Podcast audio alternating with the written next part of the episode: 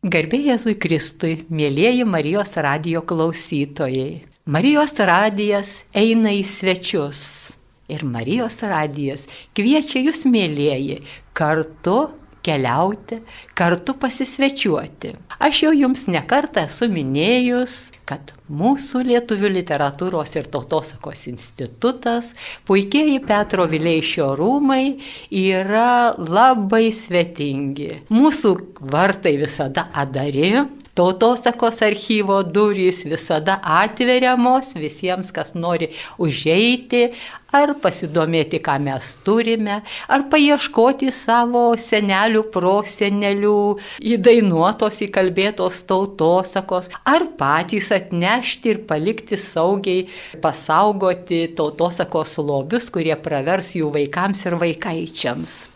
Taigi Lietuvių tautosakos archyvas, kuriuo mes didžiuojamės, kuris yra kaupiamas jau per 200 metų, nuo XIX amžiaus pradžios, žinoma, pirmiausia, klebonijų dvarų bibliotekėlėse, bet paskui ypač įsikūrus Lietuvių mokslo draugijai, jisai jau susiformavo kaip Lietuvių mokslo draugijos archyvas LMD ir Vėliau 1931 metais Kaune laikinojo sostinėje Lietuvių tautosakos archyvas LTA. Sudėjus abu šitos archyvus, mes džiaugiamės turėdami daugiau kaip 2 milijonus tautosakos tekstų. Tačiau šiandieną kviečiu jūs atvėrus archyvo duris pakelti dar ir dainų kraičių skrynes. Mesgi esame dainuojanti tauta nuo seno ir labai daug dainuojanti. Ir ta liudyja labai svarbus, labai svarus visom prasmėm argumentas lietuvių liaudės dainynas. Kad aš nesuklyščiau, pasikviečiau į studiją į Vilniaus studiją prie aušos vartų, taigi netoli vieni nuo kitų gyvename mūsų bendradarbę, vyresnė mokslo darbuotoja, daktarė, docentė Bronė Stundžienė. E, miela Bronė, labai miela, mes esame Marijos radijų kitose laidose, kadaise irgi padiskutavę įvairiais humanitariniais ir dvasinės kultūros klausimais. Dar labiau miela pristatyti, kad esame nuo studentiškų laikų ir pačios tautosakos kitokios kraštotyrinės archyvinės medžiagos rinkėjos ir štai Bronė Stundžienė, kaip tik tai ir universiteto kraštotyros e, Ramuvoje būdama rinko tautosaką, po to, kai baigė universitetą, atėjo į tuometinį lietuvių kalbos ir literatūros, dabar lietuvių literatūros ir tautosakos institutą, tai yra pirmoji ir vienintelė jos darbovietė. Ir dar tokiu, sakyčiau, įspūdingu sutapimu. E, jinai iš pradžių buvo pameistriukė prie dainino katalogo ir gražiai savo akim matė ir gali paliūdyti visą tą kelią lietuvių liaudės dainino, tokio mūsų dainų savado didžiojo gimimą nuo pirmojos tomo iki dabartinio, aš jau tiesiog vis skaičiuoju ir pasimetu, 25 turiu savo namų lentynoj, bet ko gero jau ir daugiau, o kiek ruošiama, tai nelabai ir žinau. Tai gal pradžiai ir prašyčiau, mėla bronę, pristatyti, koks tai yra lobis, kodėl tas dainynas buvo sumastytas, kodėl jis mums reikalingas ir tada jau bandysime žiūrėti, kas tą lobį sukrovė. Malonu kalbėtis šią temą ir galiu pasakyti, kad būtent kol kas yra tikrai 25 tomai išleisti, ruošiami dabar dar keli. O prasidėjo viskas gan anksti. Netgi tarpukario Lietuvoje Mikolas Biržiška jau puoselėjo idėją paskelbti, išleisti keletą tomų mūsų dainuojamosios tautosakos. Taip jau nutiko, kad jo parengtas prospektas dar neatitiko to metų galimybių. Ir štai Tik turiu kalbėti jau apie sovietmečio laiką. 1980 metais išeina pirmasis dainino tomas, kuriame sudėta per tūkstantį vaikų dainų. Tai buvo, iki tol reikėjo nužengti didžiulį žingsnį, dainos buvo susistemintos, suklasifikuotos, kurių yra didžiuliai kiekiai, nustatyta kaip, kokia tvarka jas reikia skelbti, skelbiama pagal žanrus. Ir dabar praktiškai beveik dauguma žanrų yra jau įpusėję, daugiausia vestuvinių dainų. Tai kol kas turime dar tik keletą tomų, jie dar ir dabar toliau rengiami. Apskritai pagal žanrus. Ir tai yra ne tik paminklas mūsų dainoms, liūdijančiomis tikrai dainuojančią tautą, bet kartu yra ir svarbus mokslo leidinys. Jis iš jo dabar dažniausiai ir studentai, doktorantai semėsi sauri, jis kaip šaltinis, rimtas mokslinis šaltinis, kuriame, kuriame yra viskas iš mūsų dainavimo tradicijos. Pačios dainos, jų melodijos ir svarbiausia žmonės, suvardė, pav, tie, kas padainavo, kas rinko. Kitaip sakant, galima drąsiai sakyti, kad tai yra išplėsta mūsų dainų istorija su visais kontekstais, su komentarais. Visas lobis. Na, aš tai dabar norėčiau taip žaismingai įsiterpti, kad bronė, buvusi Katelevičiūtė, pasvalietė, dabar stundžienė, iš tiesų labai rimto kalibro mokslininkė.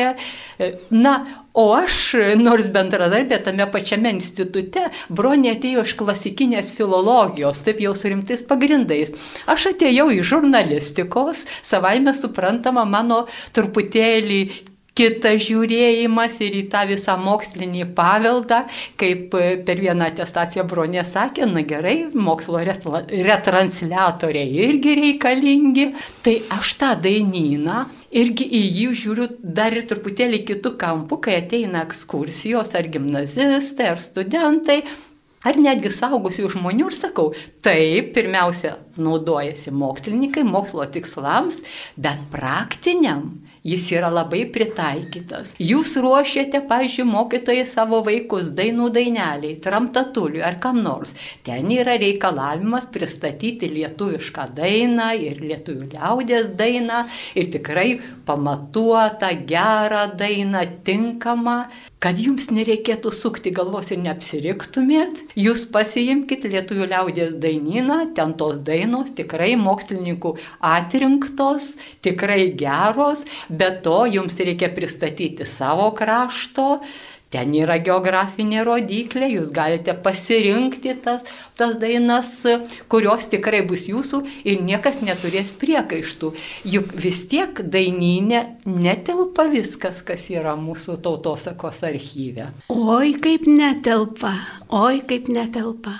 Juk iš dažnai būna, kad tarkim, jeigu daina yra užrašyta, pavyzdžiui, 500 kartų Tai čia paklius 10-12 dainų, yra didžiulė atranka, žiūrima jų įvairavimo, kaip keičiasi ir būtent pagal mūsų etnografinės rytis, kaip dainavo dzūkai ir kaip suvalkiečiai. Tai čia labai svarbus aspektas. Sunku ir pasakyti per mūsų trumpą laidą, kiek ir kokios naudingos informacijos yra. O kad gali naudotis bet kas, tai taip. Būna ir kuriozų.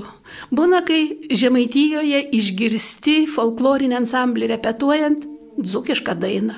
A sako, labai smagu šitą dainą dainuoti, ji labai graži.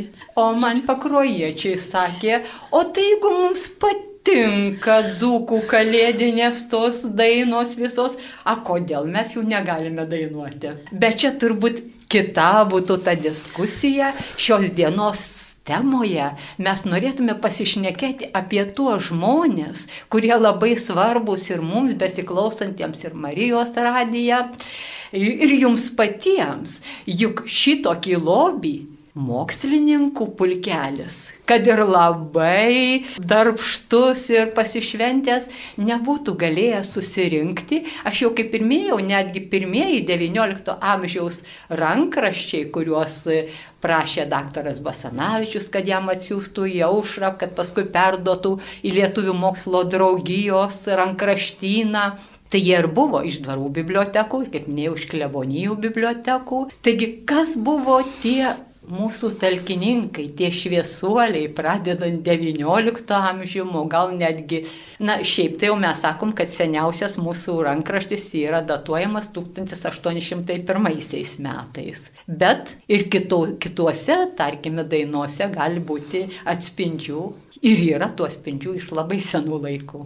Tai jeigu pradedame kalbėti apie tai, kas įkvėpė arba kasgi daugiausia yra labai rimtai pasidarbavę būtent dainų rinkimui, tai visada net ir, sakykime, sovietmečio leidiniuose buvo minimi pirmiausia kunigai.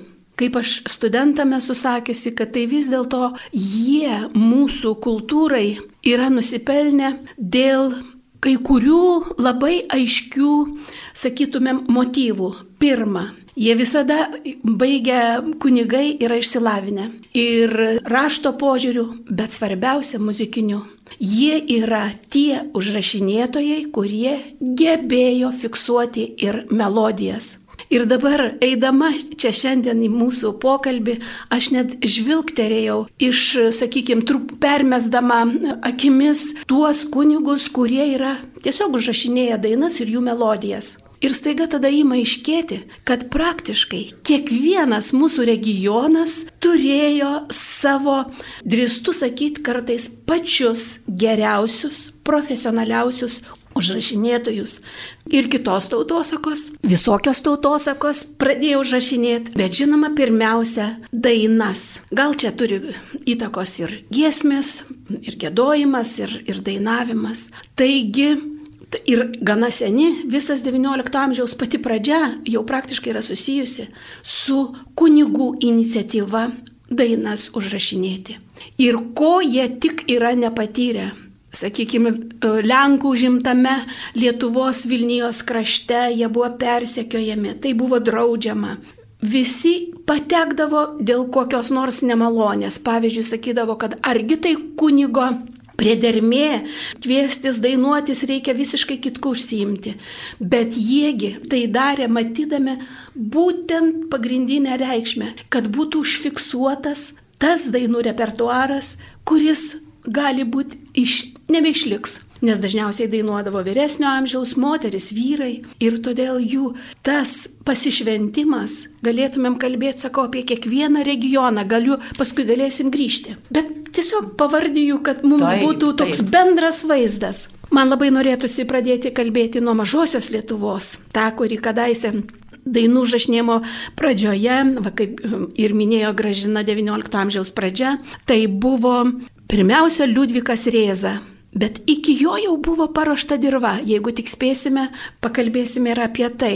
Jis žinoma, čia yra pagrindinis, garsus, e, žinomas Prūsų Lietuvoje ir visoje Vokietijoje teologas, rašytojas, poetas, vertėjas, Tiesiog jis buvo to meto laikoma, kad viena iš pagrindinė elitinė figūra pagal savo išsilavinimą, gebėjimus ir apskritai.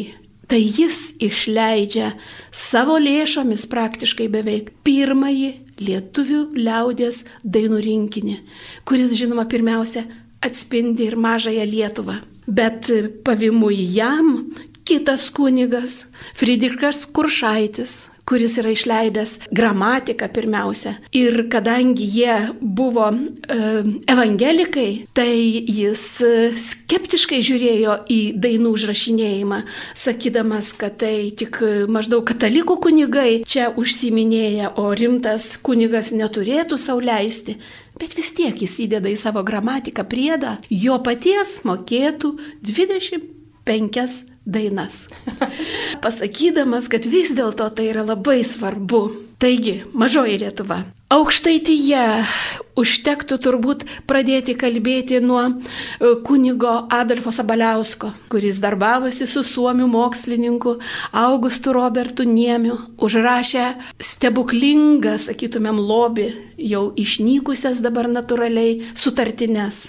Čia jau būtent kunigo Sabaliausko nuopelnai yra labai didžiuliai. Aš jau nekalbu apie vėliau, vos ne mūsų laikus pasiekęs Valantinas kunigas, kuris praturtino mūsų rankraštyną daugybę šimtų užrašytų dainų. Ir bronė, aš tada leisiu savo įsiterpti.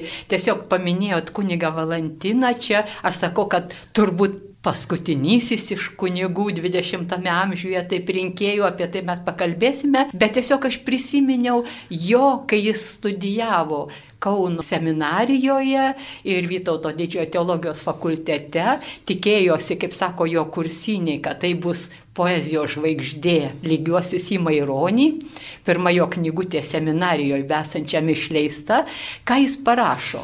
Sakei man geras viešpatė, prašyk ir gausi, maldauk ir tavo maldos neš dangaus palaimą. Bet kągi man daryti, jei aš net žodžio paprasčiausio nesugebu ištart kaip žmonės mūsų kaime. Va čia turbūt ir buvo kunigų šviesuolių tas raktas žiūrėk į žmonės, į jų kalbą ir tu pats tobulėsi.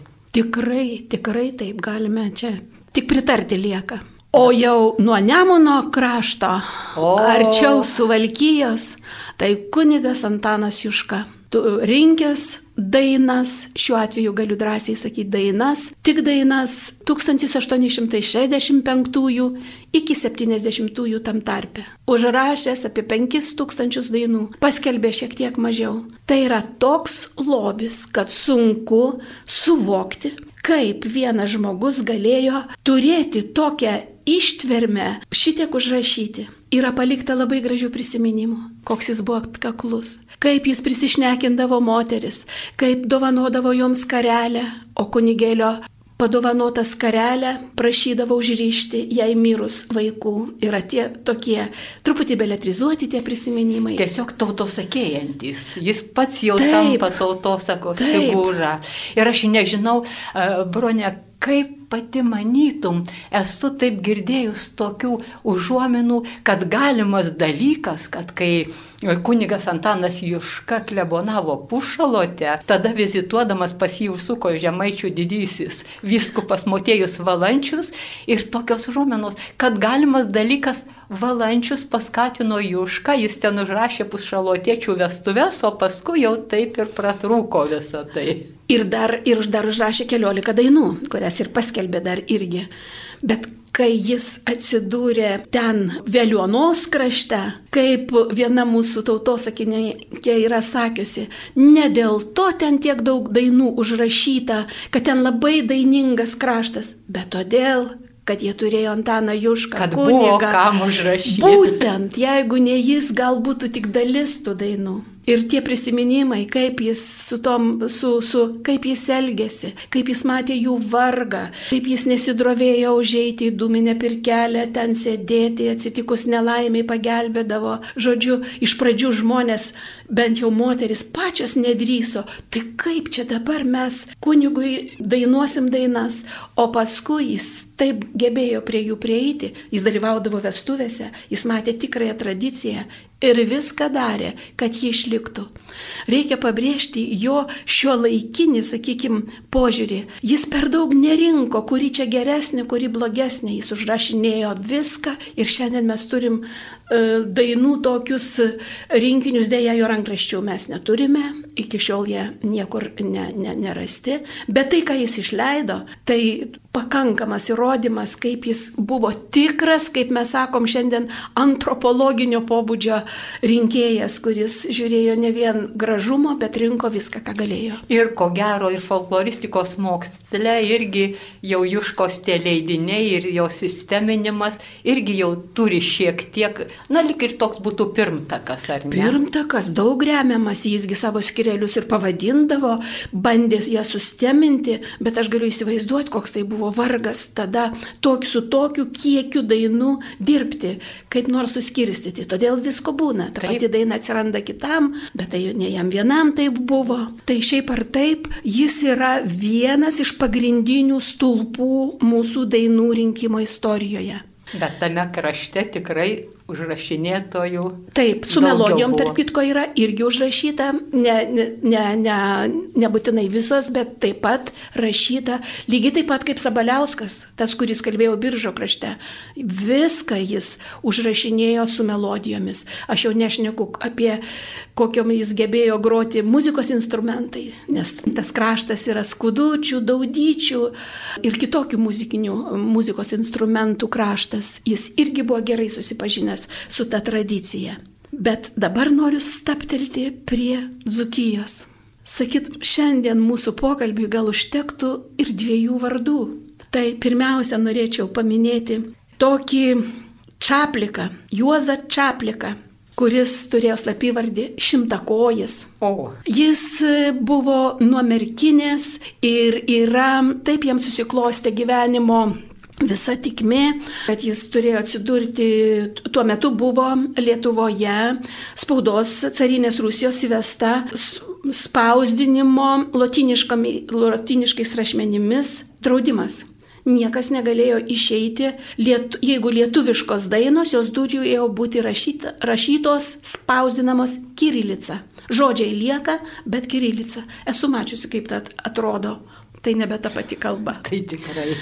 Todėl jis ir išleidžia 1999 e, metais JAV Amerikoje 102 rodos dzūkų pirmąjį tautosakos rinkinį. Kai jis e, mokėsi Vilniaus kunigų seminarijoje, jo taip pat bendramokslis buvo ir Teodoras Brazys. O kadangi jis jau buvo išleidęs tą knygelę, tai šiandien manoma, spėjama, kad jam labai Teodorui Brazijui irgi turėjo įtakos būtent šimtakojo parengtas leidinys. Geras pavyzdys. Taip, taip.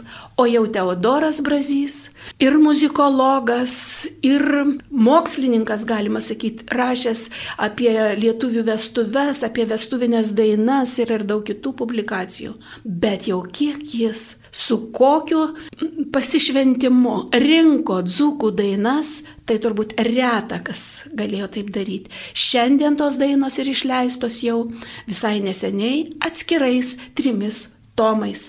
Taip, mūsų instituto leidykla ir Taip. labai gražiai apipavydalinta, kai sudedu į lentyną geltoną, žalę ir raudoną, tiesiog veda į mūsų dienas. Tikrai. O antrasis tomas Brazio užrašytų dainų yra visos dainos padainuotos vienos pateikėjos - Jėvos Krukoniūtės. Ah. Tai buvo, jis užėjo tikrai aukso, aukso saugiklas dainų požiūrių. Tai buvo reto talento dainininkė. Ir todėl jis užrašinėjo. Šiandien va mūsų archyve saugomi jo rinkiniai, tai pavyzdys, kaip reikia parengti Jis buvo viskas suposmuota teisingai, melodijos kruopščiai sužymėtos, rinkinys tvarkingas, imk ir spausdink. Žinoma, re, dabar leidžiant reikėjo daug ką ten pasižiūrėti, pa, patvarkyti, bet šiaip tai aš apskritai iš dainų rinkėjų tokio klasikinio pobūdžio rinkinio kaip Teodoro Brazio iš esmės labai profesionalo gebėjusio tą padaryti. Tai čia tikrai galima sakyti yra išskirtinis dalykas. Ne veltui jis rašė ir rimtus mokslinius straipsnius. Pavyzdžiui, Lietuvių liaudės daina vestuvėse. Jis irgi stebėjo ir aprašė tiesiog iš mokslinės pozicijos. Paskelbtas straipsnis buvo 1924 metais. O dar prie vieno, kurio labai norėčiau sustaptelti, tai prie Vilniaus krašto, Vilnijos dainų išsaugotojo daug, daug labai nusipelniusių lietuvių tautosakai, kunigoj, pranui, Bieliauskui turime dėkoti kuris ypatingomis sąlygomis, kai daug kur buvo dar Lenkų valdžia, kiek jis dėjo pastangų, kad galėtų prisikviesti merginas, moteris, kurios mokėdavo dainų. Išprašydavo tiesiog. Iš, užrašinėdavo visai, iš vienos tik 20, iš kitos 64 ar 5. Kviesdavo pas save, atsilygindavo, įtikinėdavo. Ir tai buvo nelengva jam padaryti, be jokios abejonės. Dėl to ne vieną kartą jis buvo, neatitiko to metės valdžios, neįtiko, jis buvo vis ištremamas ir dažniausiai irgi į, į Dzukiją. Yra ir dauguose, ir kitur buvęs. Rodos 30 metais net išleidžia 63 dainų Vilniaus krašto dainas jo surinktas. Kadangi yra dabar išleisti jo dienoraščiai, tai jis taip kruopščiai viską gražiai yra paliūdijęs, kaip tas jo dainų rinkimas vyko. Jis dainuodavo kartu su jomis. Jis labai aiškiai skiria geras melodijas nuo prastesnių, gerą balsą nuo prastesnio. Žodžiu, tai buvo tikras pasišventelis mūsų kultūrai.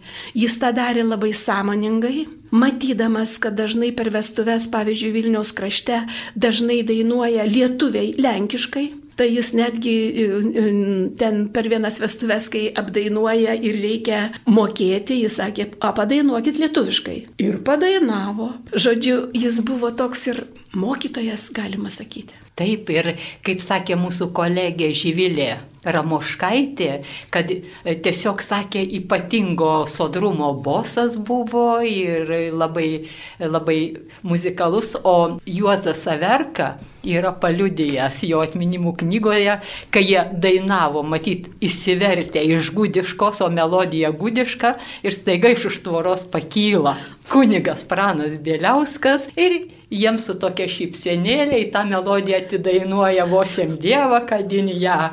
Ir sako, mes susigėdom, kad svetimą dainą paėmėm, pradėjom vėl grįžti prie savo. Ir beje, labai įdomus dalykas yra tas, kad kunigas Pranas Bieliauskas buvo labai aktyvus įsikūrusios lietuvių mokslo draugijos narys ir jam netgi buvo patikėta šitą dainų rinkimo, kaip mes sakytume dabar, visas moderavimas, netgi apmokė, apmokėti geriau, geresniems dainininkams. Čia varožė Sabaliauskė nevažiuodavo pas jį į valkininkus. Tiesiog jauni susirasdavo patys. O toks įdomus dalykas, štai Vilnius, Vilniaus krašto darbininkas, kilęs tai nuo prienų, vėl nuo to suvalkietiško, nuo suduvos krašto ir suvalkiečių dar mesgi turime irgi išleidę Jono Užupio kunigo rinkinį, prie jo gyv, gyvam esant tai buvo kiti raštai išleisti, o tas rankraštis taip jau buvo. Ir dabar pas mus darbuojasi mūsų tautosakos medaus laureatas Jaunius Vylius, kuris dabar nori sustoti ties kunigu Jurgiu Narijausku. Irgi melodija. Yra dėl ko. Taip. Taip, yra dėl ko. Na, nes kaip suprantu, jisgi ten užkabalių melodijas užrašinėjo labai rimtai. O jeigu dar trumpam prisimintumėm ir kuniga Praną Bieliauską, tai sklandė, nu ne visai ore, kad kaip jis dar sužinodavo, kas gali, kas moka dainuoti. Tai sakoma, kad net per išpažinti klausdavo kokios nors, jeigu gėda chore, ar nemoki liaudės dainų. Ir sakydavo tos moteris, nu kunigėliųgi nemeluosi, pasakau, kad moku. Tai ir sako, ateisi ten ir ten, tada ir tada. Vietoje atgailos. Labai mielas toks dalykas, tikrai čia ypatinga ta figūra. Pranas Bieliauskas, tiesiog labai, jisgi čia Vilniuje globojo lietuvių tarnaičių Šventos Zytos draugija, draugijos narės. Tame dienoraštyje taip pat. Taip, ir ne šiaip savo.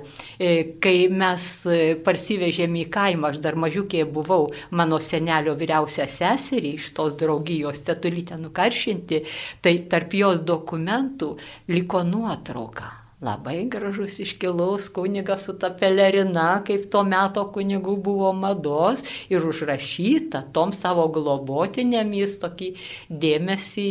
Tai kaip jos jam nedainuos? Tikrai. Kaip jos jam nedainuos? O gal dar dabar mes čia kalbėjom apie kunigus nusipelniusius dainų, renkant dainas. Bet kiek dar yra kunigų, kurie su dainomis susiję truputį kitaip. Taip, kurie patys išeina į tautosaką. Taip, taip, kurių sukurta poezija, jų parašyti eilėraščiai tampa liaudės dainomis. Ir mes turime, čia galėtumėm turbūt visų irgi neišvardinsime, bet, sakykime, man visada rūpėtų sustoti prie Antano Vienažindžio. Taip, mes prie čia su Brigita Speičytė, irgi Marijos radijuje esam taip. pakalbėję, kaip... Strasdas. Taip. Tai pasvydo, pasvydo, aušro žvaigždė pasvydo ir dar visi kiti.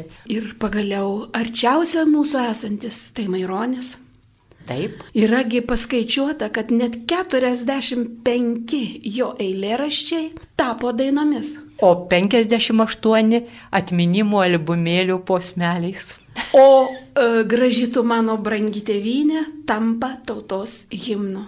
Iki dabar dar gali kartais išgirsti net per laidotuvės kapuose. Taip, yra liudijimai irgi to meto jaunimo, kad ypač kai palangoj vasarodavo, susitikdavo maironį, tai jie imdavo dainuoti, ką nors ir iš Maironio dainų ir Maironio patiko, bet taigi ir mano aukštaitis, viskupas Antanas Baranauskas, ką jis darė? Išmokė seseris kairiučias net anikščių šilelį dainuoti, gėdoti ir dabar folkloro ansamblė nikštienai tebe gėda, o dainų dainelę, kaip mes Tiesiog Taigi dainuodavom ir ekspedicijose. Greitai. Visą laiką iki šiol. O jau nu Lietuva, nu Dauguvą, tai sieja Baranauską ir Maironį, nes kai, kai už teksto aštrumą Baranauską cenzūra uždraudė, tada Maironis sukūrė eina garsas prūsų žemės.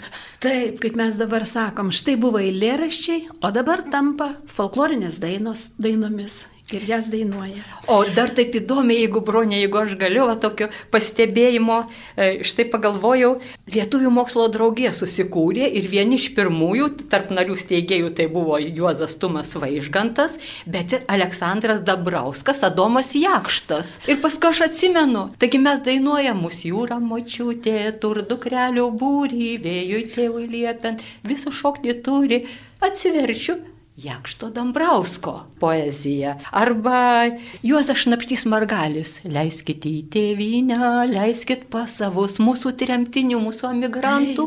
Tiesiog perėjo tautosaką ir jau toks paminklas, kad įvardinti nebereikia. O dar viena, jeigu mes dar turime Taip. truputėlį laiko, man labai norėtųsi dar užsiminti apie vieną kunigą iš pačios XIX amžiaus pirmosios pusės, tai apie Kajatoną Leknavičių. Jis gimęs 1804 metais, o jo mirties data 74. Taigi buvo labai sunkus laikas, bet aš čia noriu priminti jo ne tiek, kiek jis paskleidė savo kūrybos kaip dainas, bet kiek jis ėmė būtent iš tautosakos ir iš dainų. Dabar, kai skaitai, jo, jie, jis rašė ir humoristinius, jis buvo nu, įspūdinga figūra irgi iš to amžiaus. Bet kaip jis, net sakmes jis eilėraščiais, kaip sakyt, sukurdavo, su visokiais pamokymais ir visa kita. Ir ten daug dainų, ypač humoristinių, kurias jis įsiurbė jo kūrybą. Tai buvo irgi toks unikalus atvejas. Žodžiu, kai mes dabar žiūrime mūsų dainų istoriją, mes ją randam per rinkėjus, mes jam ra ra randam poetų kūryboje ir kaip tai atsispindi ir kaip išlieka. Taip, čia yra labai svarbus dalykas. Ir aš pasižiūrėjau, kad Lietuvų mokslo draugijoje, kai jie steigė, tai buvo ir kunigas Juozapas Ambrazėjus, garbės narys profesorius kunigas Kazimieras Jaunius, jau nekalbant e, profesorius Kazimieras Šaulys, nepriklausomybės akto signataras, Vladas Mironas, Motėjus Gustaitis, daug. Kai varčiau, ruoždamas ir šitai laidai, tai pavarčiau mūsų lietuvių liaudės dainyną, ten matau irgi iš ten įmama dedama tos pavardės, bet kuo naujesni tie tomai, tarkime, karinės istorinės dainos jau čia 20-ojo amžiaus pokario partizanų, 20-ame amžiuje jau ir šiaip turbūt mažėja mūsų talkininkų, bet pamažėja tos gretos, tik tai aš manyčiau, kad dar klebonijų archyvose dar yra Nes aš, pavyzdžiui, žinau, kad traupio kunigas Steponas Galvydis anegdotus rinko. E, ten jo kaiminystėje, nebežinau, gretimos kažkurios parapijos kunigas Jurgaitis to krašto užrašinėjo vestuvinę rėdą. Būtų labai gerai, nežinau, kunigai gal neturi laiko mūsų tos laidos klausytis einant į svečius, bet parapiečiai galėtų paklausti, gal ką nors iš klebonijos į Lietuvių tautosakos archyvą sudėtumėte. O man dar malonu prisiminti, kad per ekspedicijas dar visai neseniais laikais, kurgi nuo ko mes pradėdavom pradžią, kad žmonės įsileistų, kad čia ateina svetimi, nepažįstami. Taigi eidavom į bažnyčią ir prašydavom kunigą, kad per pamaldas pasakytų, kad čia vaikščios tie, kurie užrašinėja dainas, užrašinėja tautosaką, kad tarsi bu, mums irgi buvo toks rūporas svarbus, nes tada išgirdusios, ypač moteris bažnyčioje, kad kunigas leidžia tą daryti, vėl mus maloniai priimdavo. Taip kad tam tikra prasme tas ryšys vis viena ar kita forma išlieka. Ak, kaip greitai prabėgo ta mūsų viešnagės valandėlė. Ačiū, mielai broniai Stundžieniai, ačiū, mėlyjeji Marijos radio klausytojai, kad jūs nepasididžiavote užsukti į svečius, į Lietuvių tautosakos archyvą, į Lietuvių liaudės dainyno skyrių. Ir kaip matėte, kiek mes suminėjome vien tik tai kunigų pavardžių, dar ne visas ir suminėjom, suminėjom ryškiausias, pačias ryškiausias žvaigždės, o apie tuos, kuriuos suminėjom, apie kiekvieną galėtų būti atskira laida, bet jeigu duos Dievas, būsime sveiki, gyvi, tikiuosi, nekartą susitiksime. O dabar su Dievu jums ir iki kitų pasimatymų.